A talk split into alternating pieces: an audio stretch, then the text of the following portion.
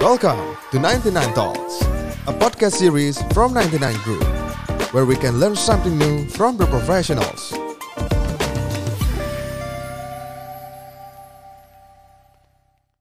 Hai, salam sehat buat kita semua. Hai property people. Aduh senang banget nih rasanya saya Dwi Andika bisa nyapa lagi teman-teman semua yang ada di podcast episode ketiga dari 99 Group yang berjudul 99 Talk. Oke, 99 Talk ini adalah podcast yang menghadirkan para profesional dan juga ESO sebagai narasumber untuk berbagi pengetahuan dan juga pengalaman nih. Program ini juga bisa didengarkan di Spotify dan juga bisa disimak di YouTube Rumah 123. Nah, oke. Kalau gitu, ini kan kita generasi Y ya atau bisa dibilang generasi millennials ini kan sering banget dianggap sebagai generasi kreatif yang berani mengambil resiko. Mereka punya banyak ide menarik dan punya produktivitas yang sangat tinggi sekali. Tapi di sisi lain, millennials ini dianggap cenderung konsumtif. Oke, ini bener nggak ya? Dan apa sih sebenarnya mempengaruhi hal ini? Kalau gue sih ngerasa kayaknya eh, kalau boleh jujur emang agak sedikit konsumtif banget, bahkan konsumtif banget, saking konsumtifnya ya. Oke, dan ini untuk mengetahui jawaban ini pada 99 Talk hari ini akan ngebahas tema seperti yang ada di belakang kita ini, millennials dibilang konsumtif, hoax atau fakta. Dan untuk ngebahas tema tersebut, kita menghadirkan Mas Philip Mulyana. Apa kabar? Apa kabar Mas? Baik. Sehat ya Mas ya? Alhamdulillah sehat. Waduh, wih, dengan semangat yang sangat luar biasa sekali karena banyak sekali nih curhatan-curhatan yang bakal saya keluarkan di sini dan pertanyaan-pertanyaan yang mungkin saja bisa mewakili teman-teman yang lagi nonton di hari ini ya. Oke, dan yang pasti Mas Philip sini adalah seorang financial coach dengan pengalaman lebih dari 11 tahun di industri jasa keuangan. Mas Philips yang pernah menjadi pialang saham dan juga sering ngasih pelatihan seputar perencanaan keuangan ya Mas ya. Oke, dan seperti apa sih keseruan obrolan kita hari ini? Ini balan seru banget nih. Makanya pantengin terus 99 Talk episode hari ini sampai selesai. Oke, konsumtif. Beneran loh mas, saya tuh konsumtif banget ini. Ini, ini sesi curhat nih kayaknya. Iya sih curhat tapi ini kan aduh curhatan saya tuh banyak banget masalah ini beneran. Ini sampai sekarang saya masih belum ketemu masalahnya seperti apa. Tapi dari masnya sendiri pernah mengalami ada di frase konsumtif banget nggak? Sampai akhirnya bisa menjadi coach.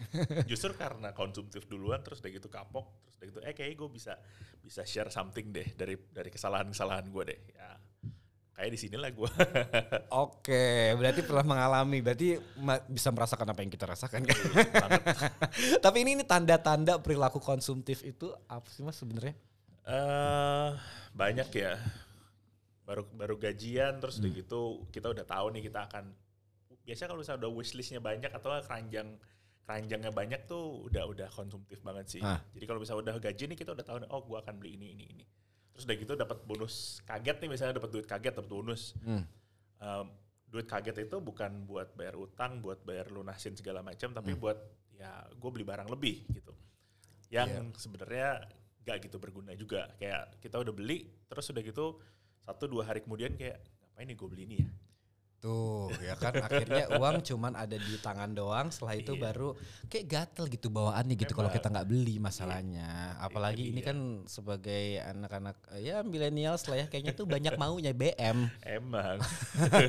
Nah ini dia nih. Tapi kan situs Forbes ini kan menulis bahwa generasi milenials lebih konsumtif. Nah ini generasi ini juga menghabiskan sebagian besar pendapatan mereka untuk konsumsi jangka pendek dan juga itulah sebabnya milenials mendominasi percakapan tentang ekonomi, pemasaran, strategi produk dan sebagainya gitu. Ini bener nggak sih kalau misalnya emang milenials itu emang cenderung konsumtif gitu? Apakah cuma saya doang sendiri yang konsumtif atau emang sebenarnya kebanyakan seperti itu? ya enggak ya kalau misalnya kita kita lihat gini deh. Em, kalau generasi orang tua kita, Ah, kalau misalkan mereka mau belanja, Hmm. mereka harus keluar dari rumah, mereka harus ke toko, Yap. mereka harus beli terus Ya. pulang lagi ke rumah dan segala macam. Kalau kita kan enggak kan. Kalau kita mau beli barang, kita tinggal tinggal klik doang. Klik.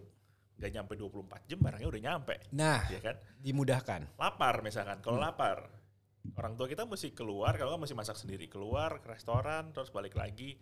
Kalau kan kalau sekarang kan kita enggak. Kurang dari satu jam malahan kita udah dapat makanan yang kita mau. gitu Hmm. kan. Itu kan mempermudah kita sebenarnya untuk buang duit. Ya. Ya kan? Satu sisi itu. Terus udah gitu, satu sisi juga em, kita tuh banyak banget godaannya sebenarnya. Aduh. Coba gini, yang gampangnya gini. Setiap kali kita em, mau tidur, Ah, mau melek, eh mau merem matanya, iya. sama mau melek, baru melek, biasanya buka apa? Sosial media. Social media. ya kan? Kita lihat nih sekarang nih artis lagi jalan-jalan ke mana, misalkan ini Bawaannya mau pengen. ya, pengen Ada yang pakai baju ini bawaannya pengen. pengen dong, iya kan? Iya kan terus udah gitu ada yang kasih lihat lagi dia punya mobil bagus. Eh lucu juga ya kalau misalkan gue punya kayak gitu ya. Kalau enggak, ya kayak gitu gampang. Jadi godaan tuh sebenarnya ada di mana-mana. Aha. Terus udah gitu untuk untuk beli barang-barang seperti itu tuh dipermudah sekarang. Oke. Makanya konsumtif banget sebenarnya. Gitu. Jadi- itu itu yang yang dari dari kita sendiri sebenarnya emang harus bisa ngendaliin. Oke, Gitu. jadi ini zaman semakin canggih memang keunggulannya adalah dipermudahkan dalam segala hal, tetapi permasalahannya adalah ini untuk konsumtifnya itu kadang-kadang takutnya jadi kayak keran.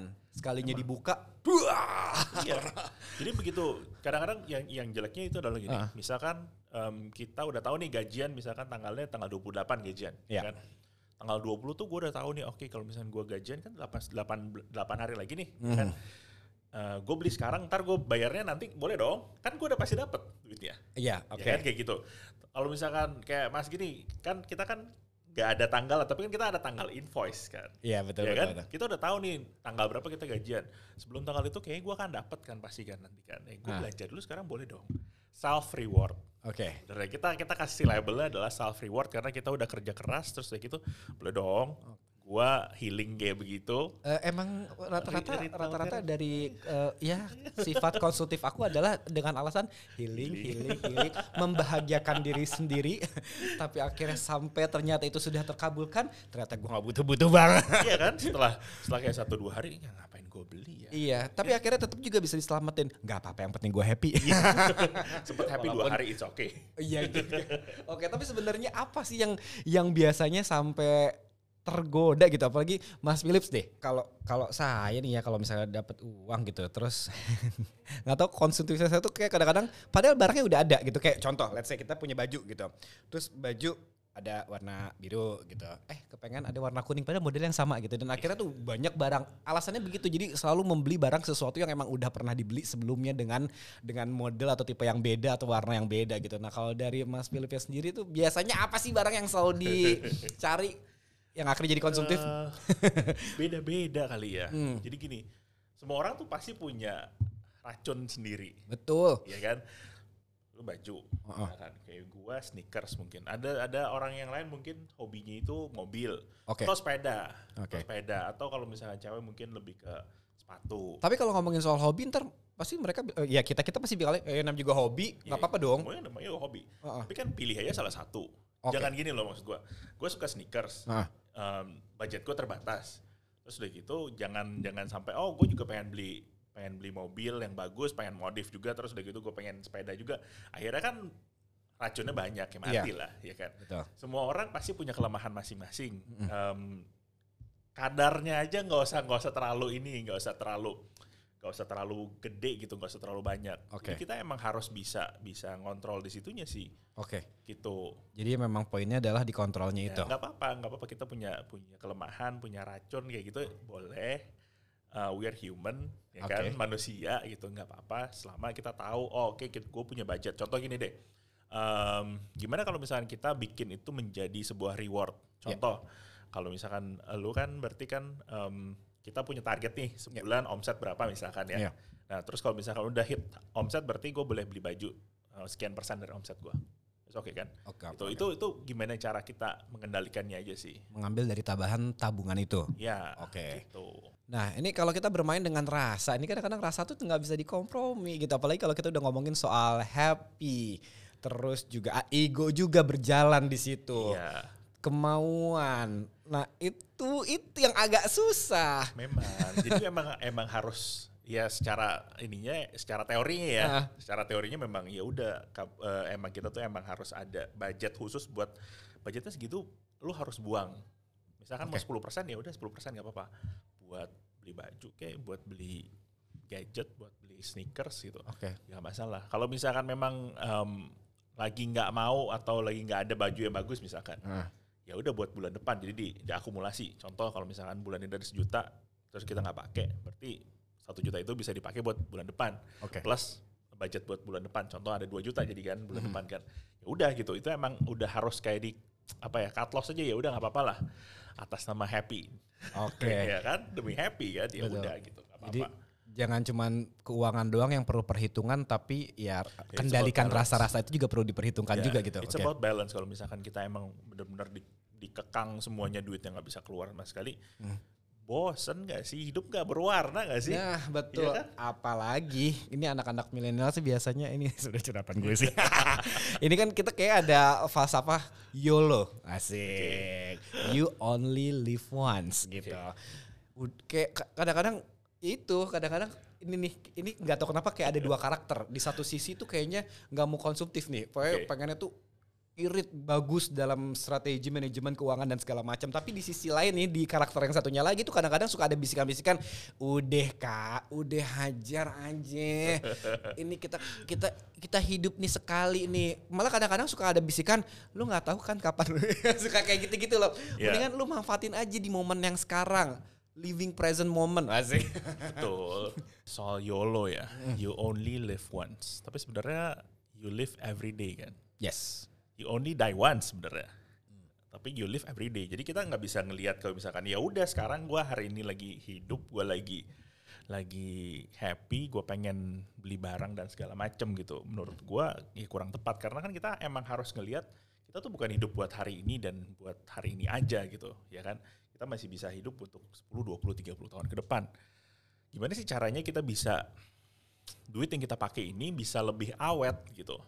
Of course kalau misalkan kita bisa cuma buat ngikutin kemauan kita, ya paling enak ya udah habisin aja sekarang. Iya. Besok ya gue tinggal cari lagi ya kan. Oke. Tapi kan gimana kalau misalkan ternyata gak sampai selancar itu. Ya kan kita makanya harus perlu investasi, kita perlu buat ngatur duit kita. Itu yang yang yang kadang-kadang yang kita suka lupa juga. Oke, berarti Gitu. bang- bukan cuman mengandalkan ah ah udahlah ah udahlah Besok ah udah tapi ada, harus ada bagaimana Iya. kalau tiba-tiba dikasih umur panjang, bagaimana kalau misalnya nanti merit dan harus Iya, membutuhkan iya. ini gitu. itu itu udah kondisi udah bisa berbeda besok besokannya itu ya kita nggak bisa cuma ngelihat cuma ya udah hari ini aja gitu Oke, Gitu. mungkin presentasinya juga dibikin ya oke keinginan bolehlah dipenuhi, tapi harus ada berapa persennya dipikirkan untuk ke depannya Yap. apalagi masalah tabungan itu ya. Oke, kalau tadi eh, ya semoga bisa mewakili karena saya juga ini sebenarnya masih butuh saran banget gitu. Karena karena kadang-kadang berbicara sama diri sendiri aja nggak cukup karena memang butuh seorang coach yang memang bisa eh, menggayat gimana sih caranya untuk bisa mengelola yang namanya keuangan. Mas, ini buat teman-teman millennials nih, mungkin poinnya deh apa yang mesti kita lakukan untuk kita bisa mengelola keuangan dengan baik dan benar. oke simpelnya gini Hmm. sebenarnya ini ngomongnya gampang cuma prakteknya tricky Iya be- bener banget. Iya kan? Ini ngomongnya gampang banget sebenarnya. iya kan? gue semangat banget? Prakteknya, Tapi beneran loh. prakteknya aja yang susah. Jadi gampangnya sih gini, Ah. kalau misalnya kita terima gaji atau terima eh, apa pun income itu ya, Hmm. terima hari ini misalkan 2 juta deh, let's say gitu. Nah dari 2 juta itu udah langsung harus sekian persen itu harus diselamatkan supaya kita nggak pakai total dari 2 juta itu. Oke. Gitu.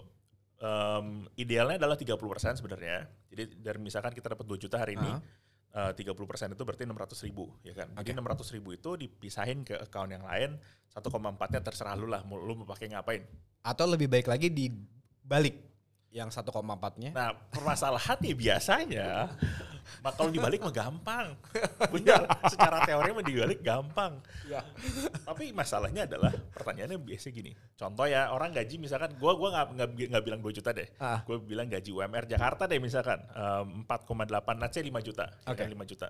Begitu orang gajian, terus udah gitu disuruh komit 30% which is 1,5 juta. Mhm. Kan? Semua eh, kebanyakan orang akan ngomong boro-boro gue bisa em, save satu setengah juta. Ya. Save 500 ribu aja susah, ya kan?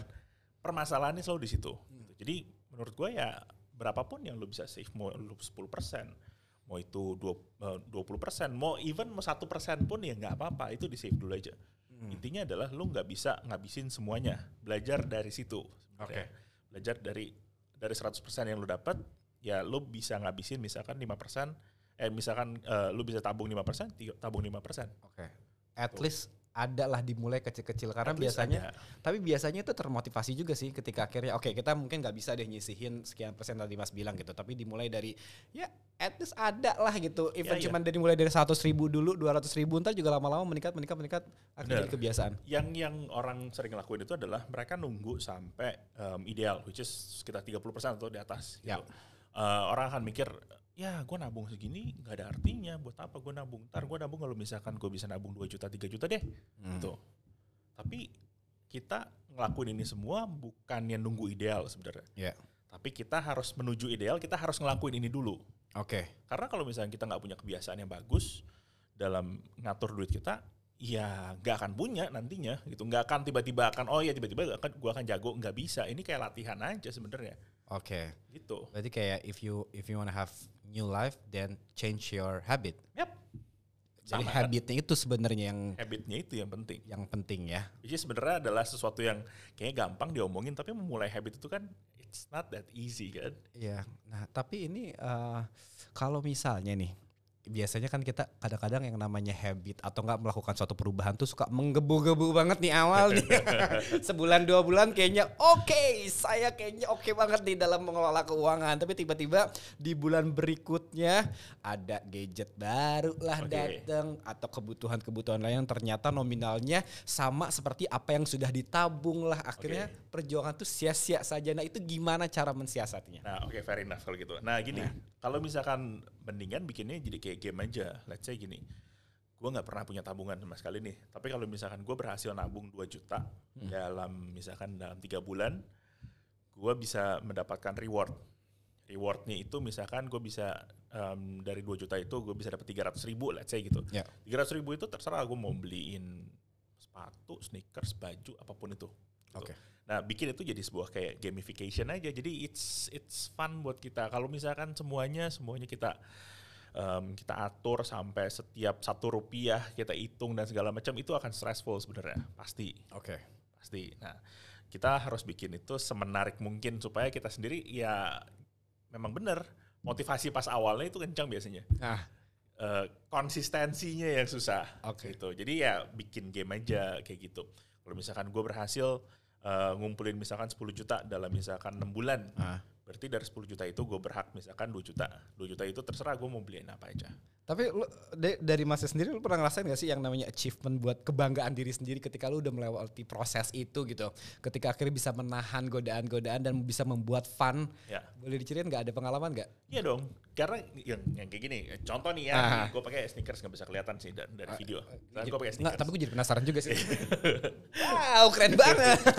jadi ya gitu. Jadi sneakers itu selalu gue gue kan gue sering ada buka kelas buat itu online course dan segala macam. Kalau misalkan gue berhasil menjual sampai sekian persen, eh gue berhasil nyampe eh, target gue, gue akan mendapatkan sekian persen dari situ. Ini semuanya ya kayak begitu. Kalau enggak baju gue yang kayak bajunya biasa aja. Kalau enggak, jadi gue pun sampai sekarang masih bikin kayak reward reward buat Oke. diri gue sendiri karena gue pikir em, gini orang banyak salah mengartikan kalau misalkan self reward itu adalah gini eh, misalkan sebagai karyawan ya Ya. Gue berhasil melewati bulan ini em, dengan baik Hmm. dengan baik tuh maksud maksudnya tuh bukan bukan cuma target doang tapi em, ya udah lewat aja bulan itu gitu Ya.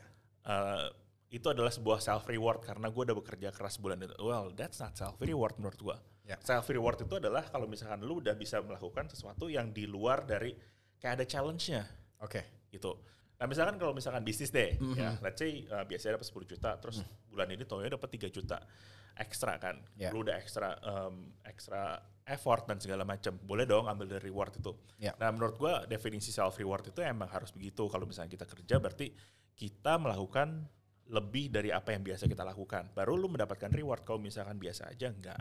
Setelah lu mendapatkan eh setelah setelah lu men- uh, beres dari challenge itu, lunas challenge-nya, baru lu bisa mendapatkan sesuatu dari situ. Oke. Itu gimana caranya lu bisa membuat semua jadi interesting sebenarnya. Karena kalau misalkan landai-landai aja ya nggak seru Oke. gitu. Oke, tapi lu pernah mengalami nggak sih masa-masa ya itu eh, untuk bisa memikirkan yang namanya reward challenge gitu apalagi challenge kan pasti yang namanya challenge pasti punya banyak godaan punya Yap. banyak lika-liku lah gitu Yap. nah dari lu nya sendiri pernah mengalami itu nggak Pernah. pernah banget sampai sekarang pun even kayak gitu. Jadi um, challenge itu it, it can goes both ways. Iya. Dari income juga, dari expense juga. Oke. Ya kan? Karena um, gini, kalau misalnya dari income yang tadi yang gue Ah. bilang ya kan. Tapi kalau dari expense itu beda lagi. Um, gue terus terang gue memang coach tapi gue gue tahu kelemahan gue adalah gue juga lemah apa ya gampang tergoda kalau misalkan ya lu lihat lagi lihat nih sneakers bagus juga ya gue pengen beli nih gimana caranya ya Oke. akhirnya sekarang setiap hari itu um, gue bikin kayak auto auto transfer ke semua ke beberapa rekening untuk investasi setiap hari jadi misal let's say gini misal 100 ribu gue akan investasi ini buat uh, buat uh, sekolah anak misalkan Aha. let's say gitu or 100 ribu nanti gue punya uh, target lagi misalkan beli sneakers yang mana gue taruh lagi di situ kalau misalkan udah udah beres nih udah nyampe gue akan cairin dana itu Oke. Gitu. Soalnya em, semakin banyak godaan, Mhm. em, kita emang harus benar-benar semakin pintar untuk gimana cara ngaturnya sih sebenarnya. Oke, ini ini sama juga nih gue juga un- emang gue rada-rada itu balik lagi gue konsumtif banget orang gitu dan selalu kalau ngelihat dari di di kartu satu satu kartu tuh kalau misalnya ada dengan nominal segini bawaannya tuh kayak pengen beli gitu pengen ke pengen ke mall dan segala macam tapi akhirnya gue mulai misah-misahin eh, oke yang ini gue nggak boleh kotak katik bahkan gue nggak perlu pakai aplikasi gue Iya. nggak perlu pakai kartunya nggak usah dibawa-bawa itu emang sengaja buat tabungan dan ternyata emang itu agak sangat useful banget Yep. gitu.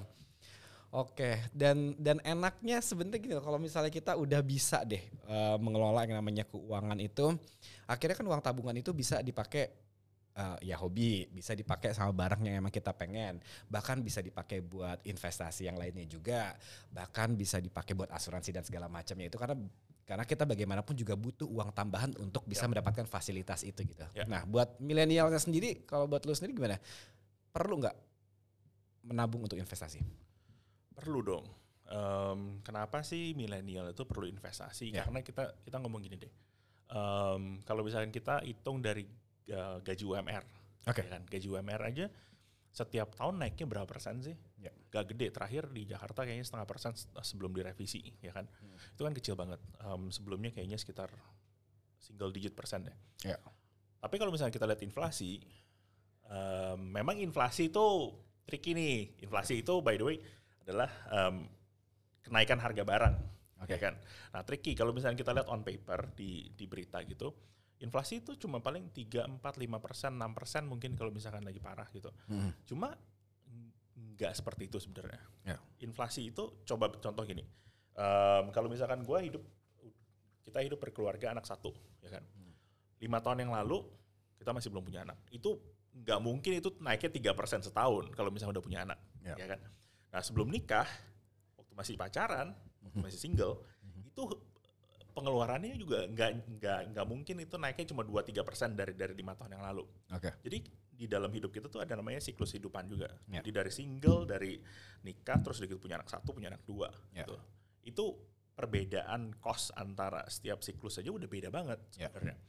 Nah, kalau misalkan udah costnya udah bisa naik parah seperti itu, nggak ada cara lain buat kita selain investasi. Ya.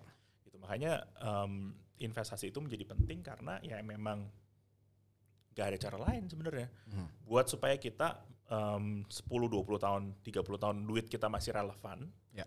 itu harus diubah menjadi ya investasi Oke. investasinya macam-macam gitu Oke, tapi ini masih menyangkut investasi juga gitu karena eh, oke, let's say kita ngomongin soal rumah gitu. Yes. Eh, karena banyak banget juga case ya. Kita nggak ngomongin numbers karena aku juga kurang analisis soal number itu. Tapi yang jelas banyak lah, banyak Banyak. eh, beberapa angkatan teman-teman gue juga eh, mereka masih belum punya rumah investasi itu gitu. Nah Oke. itu ya itu gimana tuh?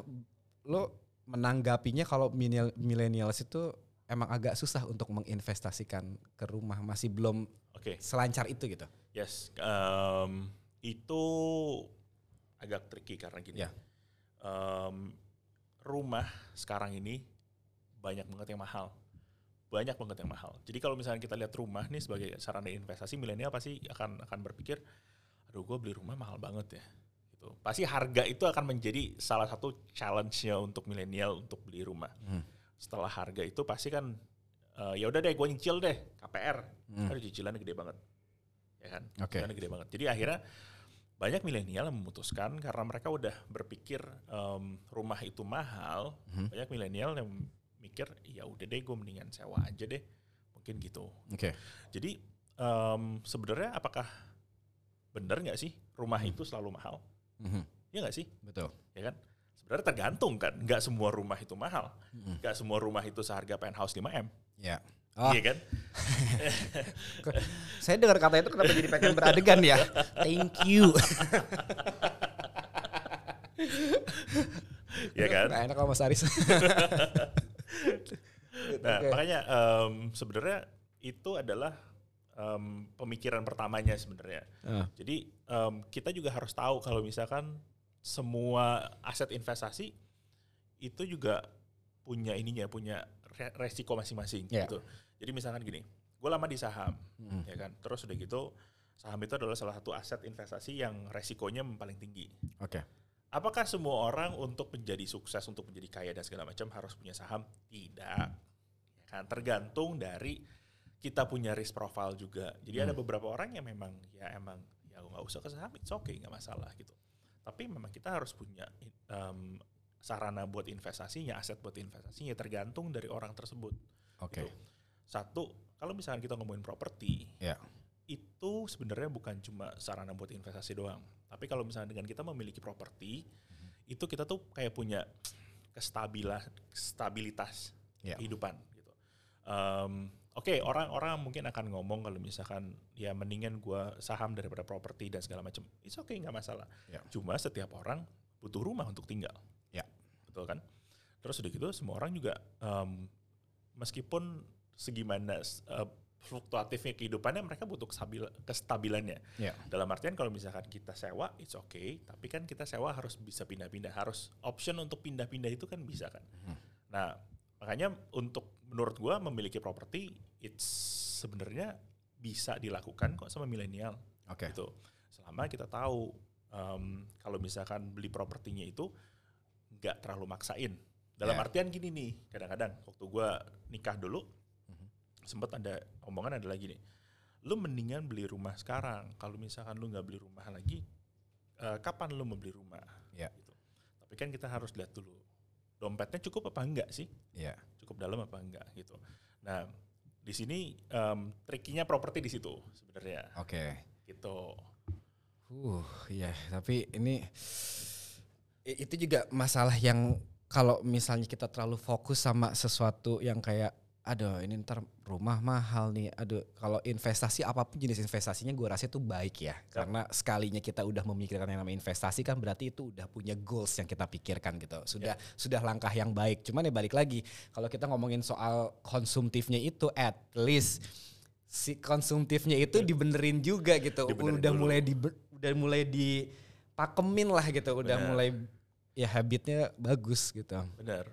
Em, dan dengan kita bisa mengurangi sisi konsumtif kita, Nah, itu kan memungkinkan kita untuk investasi. ya nah ini memikirkan investasi aja sebenarnya udah langkah yang baik banget karena karena itu berarti sudah memikirkan goals ke depannya uh, ya itu bagus gitu Ya. Uh, tapi ya tinggal tinggal mungkin habitnya di dirubah lagi untuk bisa lebih baik lagi Betul. apalagi kita tadi ngebahas soal masalah konsumtif juga kayaknya yang namanya pengelolaan uang juga mungkin dipush lagi supaya goals itu bisa tercapai karena bagaimanapun mau pilih investasi apa pun juga itu pasti baik-baik aja Yes. gitu. Nah tapi kalau misalnya nih eh, kayak kayak gue sendiri gitu, eh, karena gue ngerasa gue tahu diri gue konsumtif banget gitu. Apalagi dulu sempat ada yang namanya masa-masa stres gue, aduh gue masih belum punya rumah, gue masih belum apa. Untungnya sudah banyak penawaran-penawaran yang lainnya kayak kita KPR dan segala macam. Jadi kayak dipaksakan untuk nabung. Kalaupun kita nggak bisa ngelola uang sendiri, tapi paling nggak mau nggak mau kan kita harus bayar bulanan gitu. Ya. Nah itu itu gimana cara yang itu juga bagus kan mas? Ya, Bagus. emang agak ketar-ketir tapi nggak apa-apa. Yang penting tabungan ada uang disisikan langsung. Ya, em, tapi em, memang balik lagi ya. Jadi gini, sebelum kita mutusin untuk KPR, ya kan kita ada beberapa hal yang kita harus hitung juga. Oke. Contoh, kita bukan cuma untuk bayar KPR doang. Ya. Tapi kalau misalkan em, pasti udah ada PBB-nya nanti kan, ya kan. Terus udah gitu juga kalau misalkan rumahnya ntar kita akan tinggalin, berarti kan itu akan nambah utility kayak misalkan em, listrik, air, terus udah gitu em, i- apa IPP ya. Em, apa sih? Biaya-biaya administrasi administrasi lain lah pokoknya.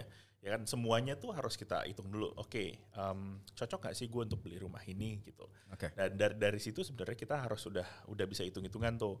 Dengan kita em, apa ya? Dengan kita menekan konsumtif kita semakin sedik, eh, lebih kurang konsumtif dibanding biasanya berarti kan kita lebih banyak uang yang kita bisa investasiin Ya. kan contoh properti nah tapi orang-orang tuh banyaknya udah punya mindset aduh gue beli properti itu mahal banget sebenarnya nggak semahal itu kok Oke. sebenarnya nggak semahal itu contoh ya em, hari Sabtu sorry Jumat Jumat Jumat. lalu Mhm. Jumat lalu tuh gue sempet ke daerah Cikarang Lipo Cikarang Oke. Gitu kita suka kadang-kadang sebulan sekali suka ke sana. Terus em, gua ada di sana ada ada lihat Lipo Cikarang punya kalau nggak salah gua rasa berapa 600 640 Oke.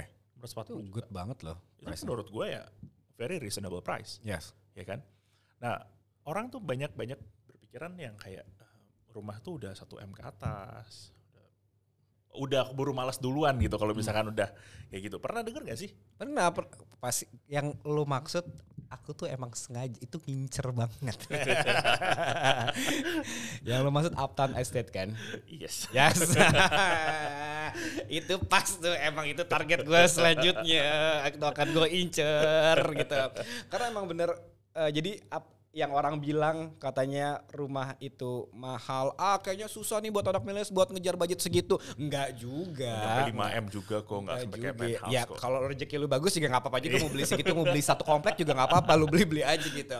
Tapi emang dengan harga yang segitu ya bisa-bisa juga kalau kita bisa ngepush diri kita gitu. Balik lagi kita harus bisa ngerubah eh, ya habit kita, kita harus bisa mengolah keuangan kita, kita juga mencari kebutuhan sesuai dengan budget yang ada juga, Ya. bukan cuma kepengen aja tapi budget juga perlu diperhitungkan gitu. Pasti. Nah, tapi ini ngomongin soal Uptown Estate ini, ya ini adalah hunian yang cocok banget nih buat generasi milenials. Nih, ada hunian nyaman, berfasilitas lengkap, aksesibilitas tinggi dan strategis banget nih, yaitu Uptown Estate ya yang berlokasi di tengah kawasan Lipo Cikarang. Jadi apa pun kesibukannya kamu bisa tetap produktif sambil terus meningkatkan kualitas hidup di Uptown Estate yang merupakan hunian pemenang penghargaan karya desainer kelas dunia loh.